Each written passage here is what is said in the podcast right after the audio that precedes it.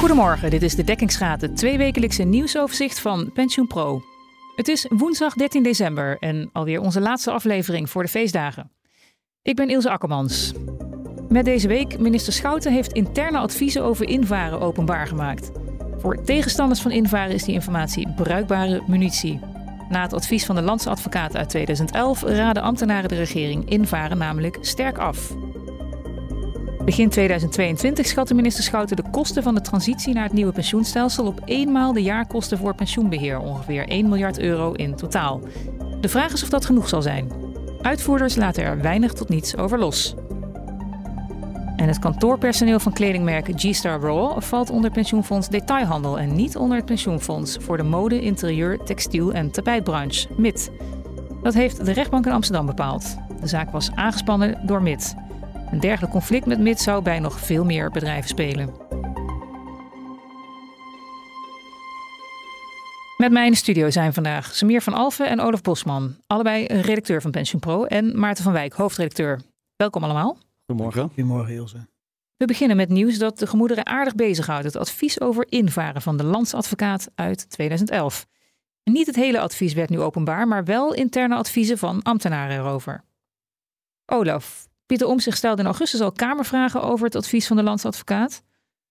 Hoe kijk je aan tegen de timing van de openbaarmaking?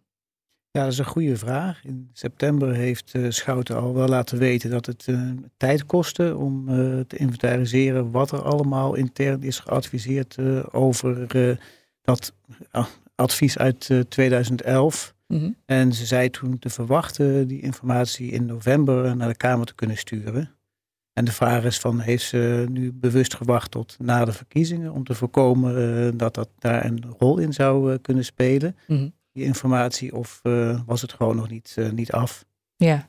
Er werd toch al veel vaker, al langer gevraagd omdat dat, om inzage in dit advies van die landsadvocaat. Ja, het is niet in de reden. Het begon in 2011 al. Toen toenmalig Kamerlid van de SP, Paul Ulenbelt, heeft uh, toen al gevraagd om, uh, om het te kunnen zien of te, te delen. Het is uh, steeds afgehouden.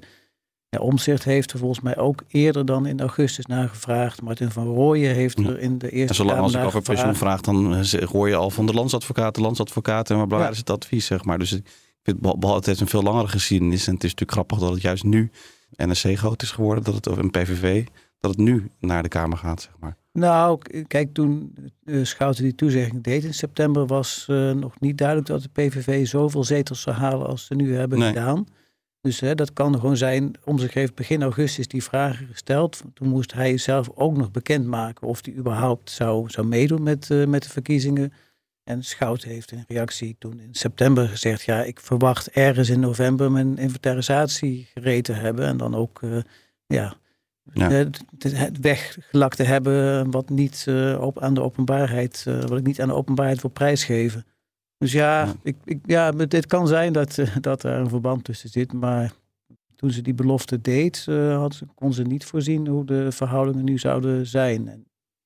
Nee. Nee. Ja, ja, maar misschien had ze wel een soort, soort vaag vermoeden of zo. In ieder geval, de Kamer heeft natuurlijk wel nu wel veel meer macht, doorzettingsmacht, om te zorgen van oké, okay, we gaan het ook echt krijgen, dit, lijkt mij. Omdat in een oude Kamer daar misschien geen meerderheid voor was om dan de minister echt moeilijk te maken als ze dat dan niet levert. Ja, nee, nu wordt denk ik wel uh, wordt geen genoeg mee, meegenomen. Nee, ook. Ik denk dat Agnes Jozef, die laat het ook niet. Uh, ik kan me voorstellen dat zij ook nog uh, meer wil weten dan nu, nu bekend is gemaakt. Ja, bij invaren worden alle opgebouwde pensioenen omgezet naar een nieuwe pensioenregeling. En minister Schouten heeft nu alleen interne adviezen van ambtenaren over invaren openbaar gemaakt. Ja. Is er iets duidelijk over waarom ze niet het hele advies van de landsadvocaat openbaar maakt? Nou ja, dat is een hele formele reden is van dat uh, in 2011 nog het beleid was dat uh, dat soort uh, adviezen ja, geheim zou blijven. En ze schrijft ook aan de Kamer, dat heeft ze in september gedaan. Landsadvocaat mag er dan op vertrouwen dat zo'n advies ook geheim blijft, dat het niet openbaar wordt. Mm -hmm. Ze suggereert daarmee dat de landsadvocaat een advies dat dan wel openbaar wordt, dat hij dat dan ja, misschien wat anders zou dingen zou formuleren of misschien minder vrij zou zijn in het advies. Ja. Oh, maar dat, dat beleid is dus veranderd dus. Ja, daarom is ja, toen in Wanneer 2022 is toen ah. wel een advies van Pels Rijkers, dat is de landsadvocaat, uh, uh, naar buiten gebracht. Wat ook te maken had met, uh, met de toekomstpensioenen. Dat is gewoon. Dat ja, was ook, het is met, niet met terugwerkende kracht verandert het beleid, zeg maar. dus voor die, al die oude adviezen geldt dat nog wel. Dat willen ze dan niet. Ja, nou goed, je kunt denk ik nog wel. Er valt vast een doelberedenering te bedenken waarom je het nu wel zou doen. Hè? Gezien de onrust die ontstaat, de onzekerheid die het geeft, dat mensen het niet, uh, niet weten. Hè? De suggestie dat je dingen verborgen houdt. Dat is natuurlijk heel veel weggelakt. Nou, dan kun je er allemaal de angel uithalen door dat advies wel te delen met alle overwegingen. En dan denk ik dat het verstandig is. Ja, in overleg dat als er dan gevoelige passages in zitten waar de landsadvocaat in 2011 niet op had gerekend, dat het dan, uh, nou dan, haal je, dan lak je dat toch weg. Hè? Ja, of je laat het aan volksvertegenwoordigers uh, zien. Hè, dat mensen het gewoon uh, mogen inzien. En dat, oh ja.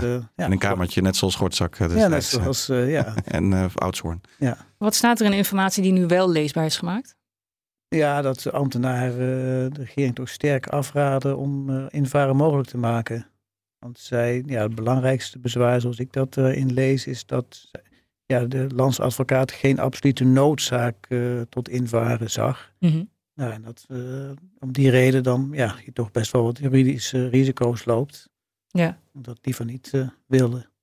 In 2020 is ook een advies over invaren verschenen van de landsadvocaat. Ook dat advies is niet openbaar gemaakt. Nee. Is er iets duidelijk over de strekking daarvan? Mij niet. Tenminste, ik heb in de in openbare stukken daar niets over uh, kunnen vinden. De enige die zich daar eigenlijk, ja, de meest concrete uitlating daarover heb ik gezien in de set uh, vragen van de Eerste Kamer bij de Wet Toekomst en Pensioenen. Hm. Daarin suggereerde senator Pim van Balkom van de VVD dat het advies uit 2020 positiever is dan dat uit 2011. Mm-hmm.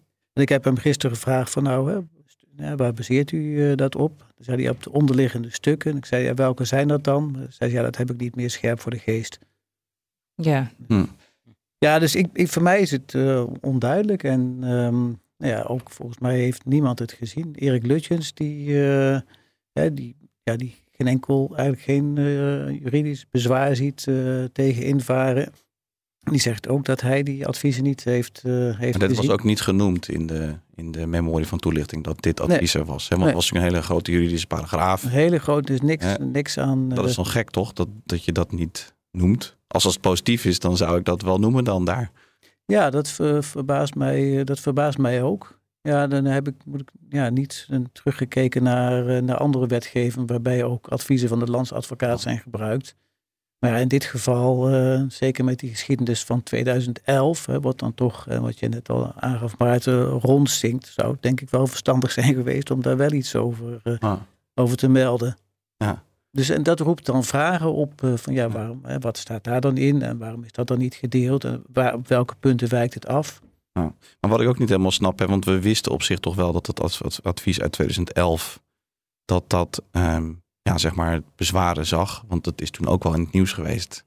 Ja. Want advocaat ziet problemen enzovoort. En nu is dat eigenlijk, nou, dat weten we, dat, veel meer dan dat weten we nu ook dan niet, toch?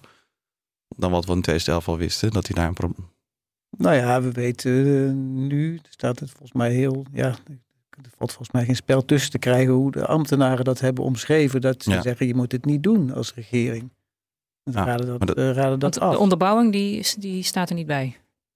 Nou ja, dus eh, met name dan dat het, eh, het ontbreken van een absolute noodzaak. En, Mhm. nou, ja, er is een alternatief. Nou, daar- Dat Ja. is nu ook een alternatief. Ja. ja, Maar zijn de omstandigheden sinds 2011 veranderd, waardoor de situatie voor invaren nu anders zou zijn?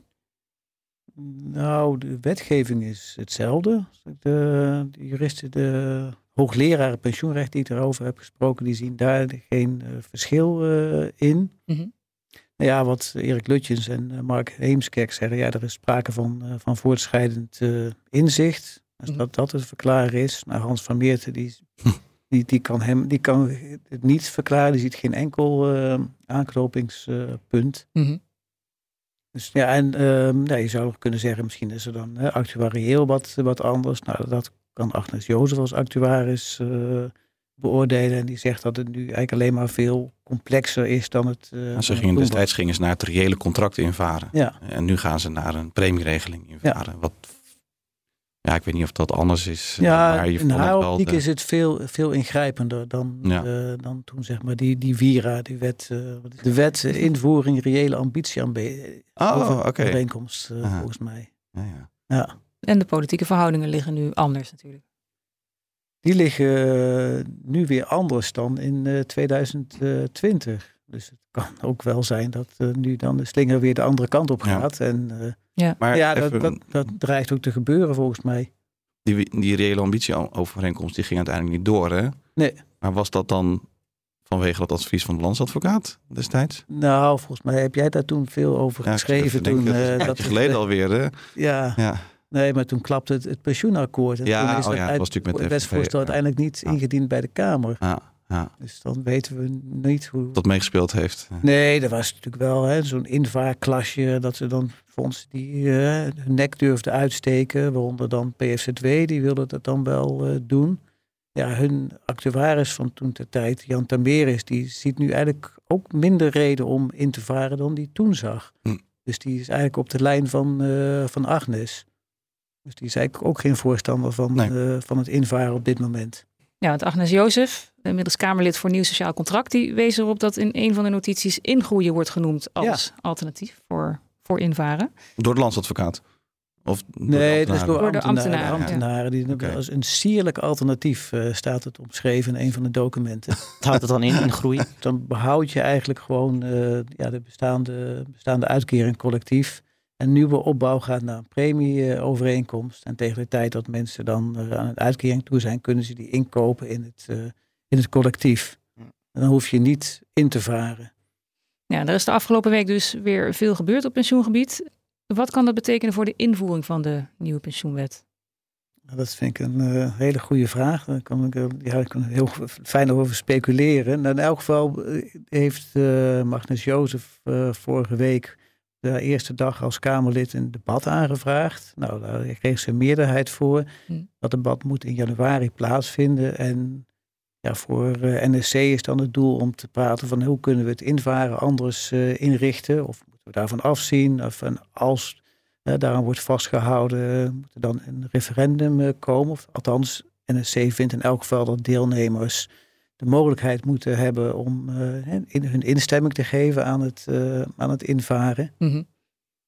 Maar hoe dat precies zal lopen, dat zal ook ja, afhangen van, ja, als, als het nou duidelijk is bijvoorbeeld dat die landsadvocaat in 2020 uh, inderdaad, net zoals Lutjes beweert, zegt van nou, er, zijn, is geen enkel probleem. Je kunt dat, hm. de, de, onderbouwing is, uh, is fantastisch. Mm -hmm. Ja, ja dan, dan, dan, moet Schouten dat advies wel laten zien. Dat ja, dan heeft ze juist lang bij om het wel uh, dus, openbaar te maken. nee, maar ik denk dat dat, dat dat verstandig is, omdat je daarmee Alle dan ook... Ja, ja in ieder geval dat uit 2011 en 2020. Er zijn ja. meerdere adviezen in 2000... Uh, elf uh, gevraagd, ook een soort second opinion. Nou, die heeft blijkbaar niet tot een andere conclusie uh, geleid. Volgens mij van de, van de Brouw. Hm. Ook niet openbaar.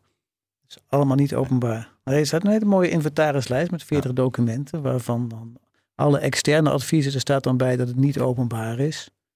Maar ik denk dat je ja, de landsadvocaat er best van kunt overtuigen dat het in de politiek in het belang van de staat is om het ja, nu wel openbaar ja. te maken. Omdat je een hoop ja, er is nu volgens mij heel veel onrust en onzekerheid. Die was er al na de Kamerverkiezingen. Van ja, wat, wat gaat er gebeuren nu tegenstanders van uh, ja. pensioenwet een meerderheid hebben.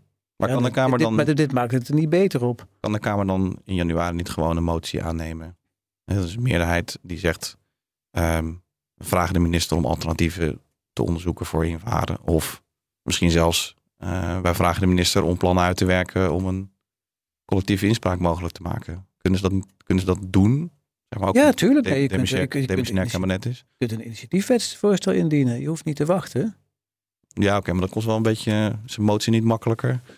Nou, dan, moet je, dan leg je de bal weer bij de regering. Ja, ja. Dan heb, als je een initiatiefwetsvoorstel maakt, okay, dan heb je het zelf meer in de hand. En dan moet je ook het hele traject van de Raad van State en ik allemaal wel doorlopen. Maar dan hoef je niet te wachten tot, uh, tot de regering keer iets indient. Maar dan kun je dat zelf. Maar kunnen we zoiets verwachten, denk je, in januari al? Is dat te snel? Nou ja, ik heb er wel met, uh, met Agnes Jozef over gesproken. En ik vroeg van, hè, wil je dan, hoe zit het dan? dan wil je dan een, een wetswijziging of een initiatiefwet? Ze, ja, ik heb haast. Dus ze weet het nog niet. Hè? Dus ze denkt van, al, elke wetswijziging kost veel mhm. tijd. En zij wil voorkomen dat pensioenfondsen al, uh, ja, al gaan invaren. Er zijn natuurlijk fondsen die al van begin 2025 over willen. Ja, horeca. Ja, horeca ook. Pensioen wil ook heel snel over in 2025. Ja, ook bedoelt hij ook. ook, ook ja, ja, die, die, die, die oude meubel, de meubel. Ook, ook, ook. Ook, ja. Ook, ook. ook. We gaan naar ons tweede onderwerp. Begin 2022 schatte minister Schouten in dat de kosten van de transitie naar het nieuwe pensioenstelsel eenmaal de jaarkosten voor pensioenbeheer zouden beslaan. Ongeveer 1 miljard euro. En de vraag is of dat genoeg zal zijn. Maarten, ja, je hebt een rondje gemaakt langs pensioenuitvoerders. Ze laten weinig tot niets los over hun verwachte uitgaven voor de transitie. Waar hangt het vanaf of die 1 miljard euro genoeg zal zijn? Ja, dat hangt om te beginnen misschien af van de kwaliteit van de schatting die om te beginnen is gemaakt. We weten niet zo goed wat nou exact de onderbouwing is voor uh, één jaar of 1 miljard of één jaar pensioenbeheerkosten. Dat, uh, ja, het is natuurlijk wel een hele ja, vrij, dat zeggen, algemene schatting.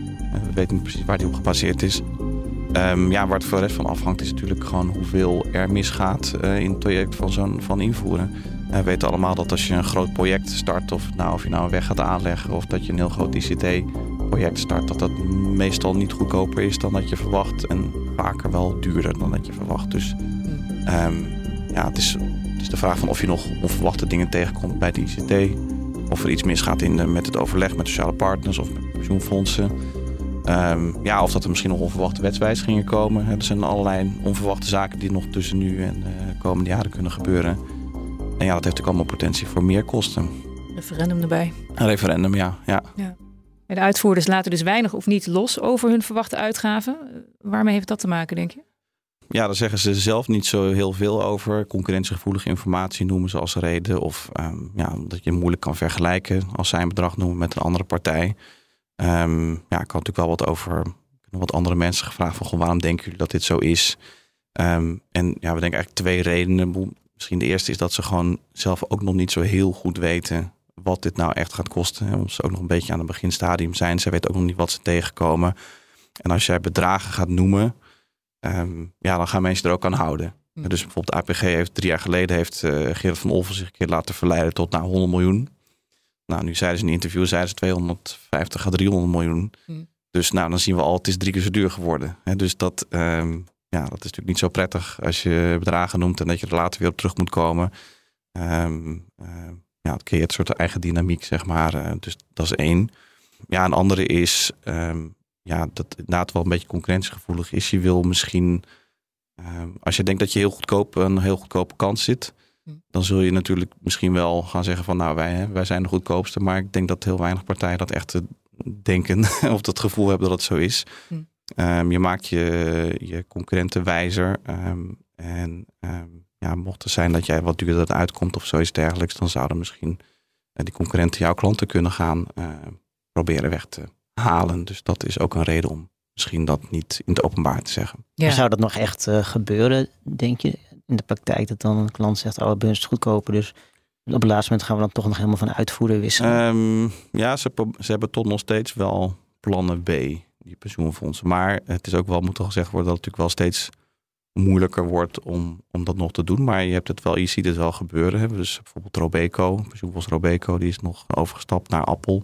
Ja. Uh, omdat zij het te duur vonden bij Achmea. Dus um, ja, Misschien creëer je ook gewoon onrust bij je klanten. Of, ja. ja, of je hebt een, creëert een onderhandelingspositie. Van zeg, kijk eens, daar is het zoveel. Kan, kan er bij jullie niet wat van de prijs af? Dus als je dan niet meteen weggaat, maar gewoon wel zegt... ja jongens, dit, wij hebben nu dit, uh, dit zijn dit overeengekomen. Maar als bij een andere uitvoerder kan ik het veel goedkoper krijgen. Dan kan ik me ook voorstellen dat je dat uh, ja. ja, dat zou doen. Ja. De, ja, dat dat de reden is om die uh, wat terughoudend te zijn met het openbaar maken. Ja. Ja, Blue Sky Group laat als enige dus wel wat meer los over de verwachte uitgaven aan de transitie. Eh, wat zegt deze groep daarover? Um, ja, nou, Blue Sky Group herhaalt eigenlijk dat um, verhaal van het is één keer de jaarlijkse pensioenbeheerkosten. Dat is eigenlijk de schatting die dus in 2022 in het wetsvoorstel stond. Um, ehm, APG had dat ook genoemd, hè, dus zo kwam je bij APG op 250 à 300 miljoen. Hm. En bij Blue Sky Group, nou, hij vindt dat ook, uh, Tom Bottiga vindt dat ook een niet onrealistische inschatting. Dus dan komt Blue Sky Group op ongeveer 27 miljoen. In ieder geval afgaan op de kosten die ze in het jaarverslag van 22 maken. Mhm. Waar zijn die vooral voor bedoeld, die bedragen? Ja, dat is allemaal uh, het aanpassen van de regeling, de processen, aanpassen van het systeem, het overzetten van klanten, communicatiezaken, uh, ja, dat soort dingen. Hoe betalen de uitvoerders de kosten van de transitie eigenlijk? Uh, ja, er zijn twee plekken waar ze dat eigenlijk vandaan kunnen halen. Ehm, ja, bij de, bij de klanten of bij de aandeelhouders. De aandeelhouder zou natuurlijk kunnen afzien van dividend of nog wat extra geld bijstorten.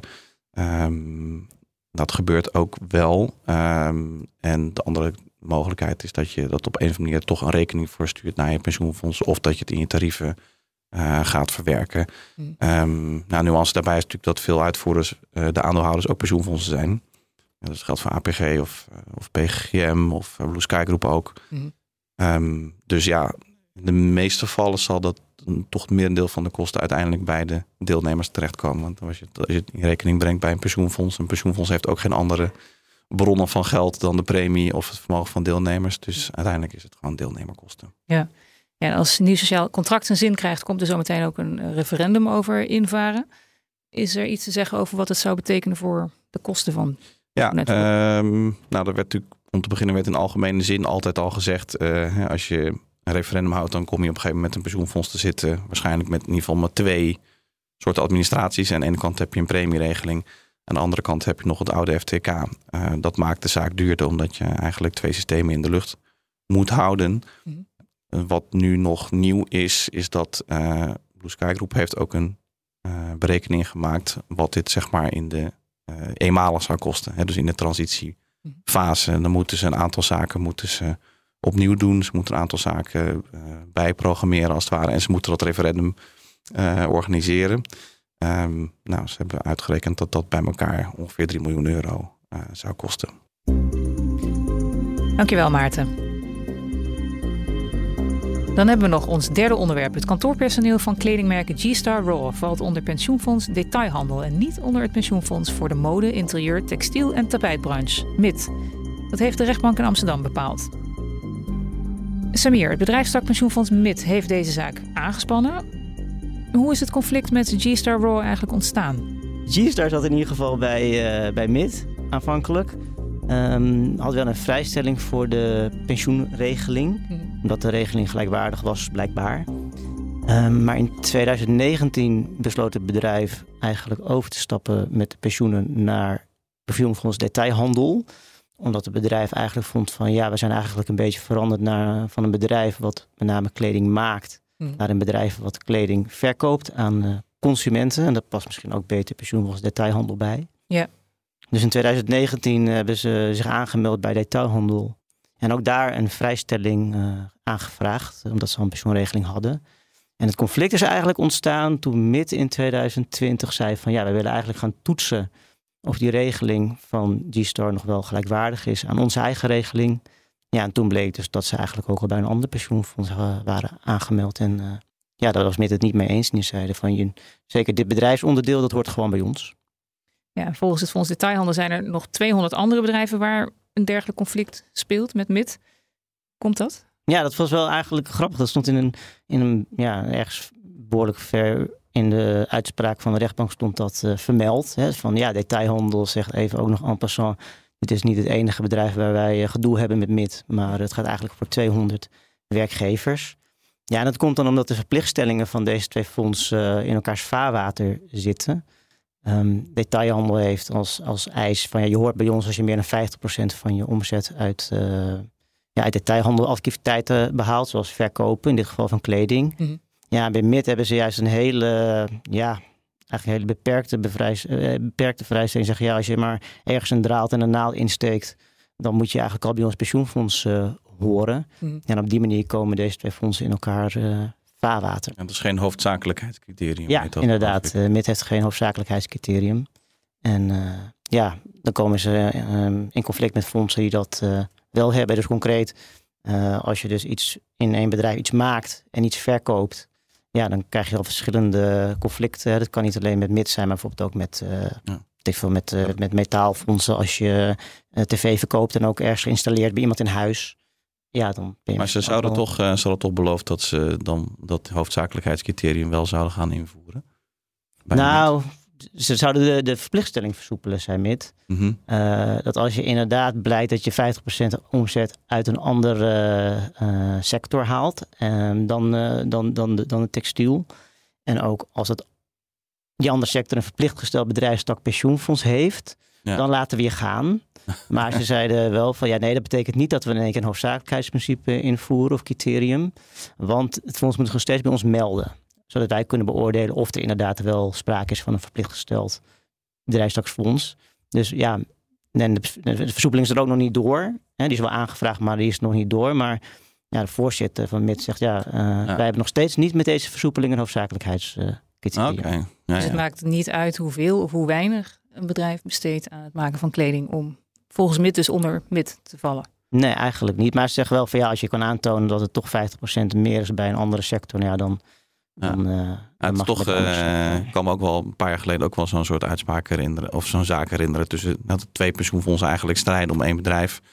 En toen had die rechter ook gezegd van ja, uh, het is al een beetje raar dat jullie nu van over de hoofd van dit bedrijf uh, je eigen verplichtstellingsoverlap aan het uitvechten bent. Ja, dat was toch met horeca en catering en flap. Uh, ja, ja, dat, ja, dat Die, was uh, ja, in dit geval zegt de rechter eigenlijk precies hetzelfde. Toch een tik op de vingers van deze fondsen. Van ja, als er conflict is tussen jullie pensioen of tussen jullie verplichtstelling, dan moeten eigenlijk sociale partners moeten daar gewoon moeten dat uitvechten met elkaar. En ja, detailhandel had toen G-Star zich meldde, had gewoon met, met contacten moeten nemen van joh, we hebben weer een zaak waar we gedoe over hebben. Ja, en MIT had eigenlijk niet die, uh, dat bedrijf uh, moeten ja. aanklagen bij de rechter, maar ook contact op moeten nemen met detailhandel. Waarom gebeurt dat dan niet? Nou ja, volgens mij zijn er wel de achtergrond echt wel gesprekken tussen de ja, MIT en detailhandel om dit op te lossen. Maar ze komen er op een of andere manier niet, uh, nee. niet uit. En ehm, ja, dan zegt de rechter van tegen, ja, MIT, dan moet je het niet het bedrijf meteen voor de rechter slepen, maar toch met detailhandel uit proberen te komen. Maar, ja, of elkaar voor de rechter slepen. Ja, dat zou best een leuke zaak zijn. Maar in dit geval was het dus eigenlijk zo, MIT die startte de zaak tegen G-Star. En toen detailhandel er lucht van kreeg, zei ze, ja, nou, dan willen we ons er ook wel mee bemoeien en gaan we ons voegen in deze zaak. Ja. waarom stapt MIT zo snel naar de rechtbank? Ja, ze hebben dus een uh, vrij soepele verplichtstelling uh, tot nu toe. En er geldt natuurlijk in pensioenland nog steeds uh, ja, de, het, het credo geen premie, wel recht. Dus vond ze altijd heel bang dat zich na verloop van tijd mensen melden die zeggen van ja, ik had eigenlijk pensioenrechten in jouw sector, bij jouw pensioenfonds. Maar gebeurt dat nou uh, zoveel? Ja, dat is Geen een idee. goede vraag. Van hoe ik heb hoor dat echt nooit, maar ja, misschien dat kan ook mijn tekortkoming zijn. Ja, ik weet ook niet of. Nee, uh, nou ja, ik nou, weet niet of. Weet, ja. ook af. Nee, dat, dat, dat melden stuk niet bij ons dan, maar. Nee. Ik heb er nooit cijfers over gezien van hoe vaak dat zich nou voordoet dat uh, dus mensen zich melden voor geen premie wel recht. Nee, ik heb eerder misschien dat. Uh, je hebt toch een aantal van die rechtszaken. dat vakbonden dan in één keer voor een groep in de bed ja, springen. Ja. En dat op die manier een hele bak mensen zich nog melden, misschien. Nee, dat zou kunnen. Maar als het voor uh, bedrijven al onduidelijk is, dan is de grote kans dat het voor werknemers nog onduidelijker is. Hoe ja. dat, uh, ja, misschien speelt ook wel mee pensioen kunnen krijgen. dat die pensioenfondsen natuurlijk ook een soort bestaansrecht willen hebben. Dus ja, hoe meer mensen hmm. bij, bij hun horen, hoe beter.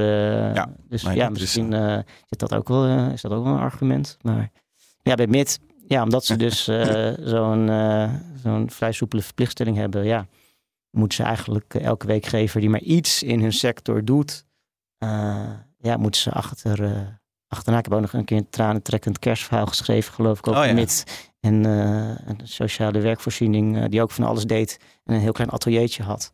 Ja, die ook met, met liep de bakkelei over ja, volgens mij was zoiets van MIT helpt ons werkbedrijf om zeep of zo. Dus, ja, ja, ja, ja, ja, Dus MIT heeft wel een, uh, ja, wel een uh, geschiedenis. Een reputatie ook. Ja, ja, denk het wel. Als je, als je consultants uh, of juristen of, of plichtstellingen spreekt, dan komt MIT toch ook wel heel vaak naar voren. Maar detailhandel ook wel hoor. Omdat ja, heel veel bedrijven die switchen gewoon van maken naar verkopen. Mm -hmm. Ja, dan kom je natuurlijk al snel ook bij de detailhandel terecht. Ja. En hoe heeft de rechter nou precies geoordeeld in de zaak tussen MIT en G-Star Raw? Nou, de rechter heeft gezegd, ja, het zwaartepunt van de activiteiten van, uh, van G-Star, dat ligt inmiddels inderdaad bij uh, verkopen van kleding. En ook het hoofdkantoor waar deze paar honderd medewerkers werkten, die ondersteunen dat ook in hun dagelijkse werkzaamheden. De rechter heeft in ieder geval gezegd, uh, G-Star heeft aangetoond dat meer dan 50% van de omzet uit het verkopen van kleding komt.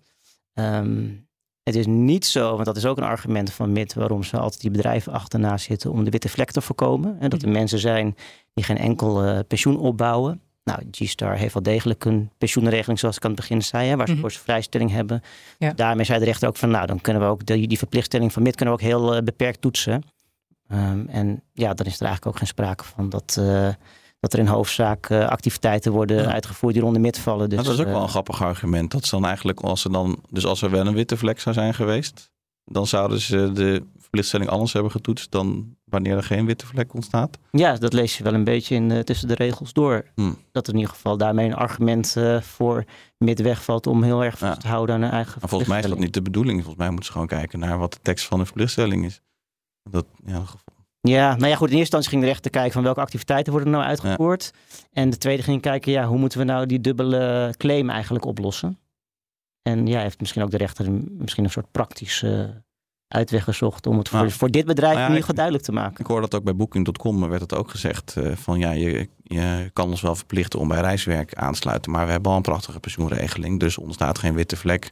Dus waar hebben we het over? Mm -hmm. uh, en als dat een argument gaat worden, dan, ja, dan kan elk bedrijf natuurlijk zijn eigen pensioenregeling starten. En dan zeg je, ja, dan hoef, dan hoef je nu niet meer die verplichtstelling zo uh, streng te interpreteren, want er is al een pensioenregeling. Maar wat dus, zei de rechter dan die zaak daarover, over dat argument? Um, er is nog geen uh, arrest. Dus, Oké. Okay. Um, maar dat werd wel naar voren gebracht. Ja, wat ik zei, misschien heeft de rechter gewoon een beetje praktische uitleg te zoeken. Of zo, ja. En dit gaat nog een hoger beroep, hè, dus wie weet uh, gaat het argument alsnog van tafel. Hm. En geldt deze uitspraak ook voor andere fondsen of, of andere sectoren waar zo'n conflict speelt? Nou ja, wat ik wel, wel interessant vond, was dat um, detailhandel probeerde eigenlijk ook van de rechter een soort uitspraak af te dwingen dat al die 200 zaken in één keer werden afgehandeld. Mm -hmm. En door te zeggen van, nou ja, als inderdaad een bedrijf zoveel omzet haalt, dan uh, hoeven ze zo sowieso niet meer bij MIT. Maar ja, de rechter zei, nou ja, dat gaat een beetje ver. Elke zaak moet eigenlijk op zijn merites beoordeeld worden. Dus uh, ja, detailhandel krijgt niet een uitspraak uh, in één keer. Mm. Nou ja, geldt voor andere sectoren. Ik denk wel dat het uh, nogmaals een oproep is aan, aan pensioenfondsen van als er gewoon gedoe is over jouw verplichtstelling met een ander pensioenfonds, ja, probeer dat gewoon samen op te lossen. En niet over de hoofden van, van bedrijven. Ja. Ik denk dat dat wel een, ja, een duidelijke boodschap is richting de pensioensector. Andere. Dankjewel, Samir. Dit was de dekkingsraad van PensioenPro met de laatste ontwikkelingen in de Nederlandse pensioen- en beleggingssector. Op pensioenpro.nl lees je meer. Dit was onze laatste aflevering voor de feestdagen en op 10 januari zijn we terug met een nieuwe aflevering. Fijn dat je luisterde, alvast fijne feestdagen en tot in het nieuwe jaar.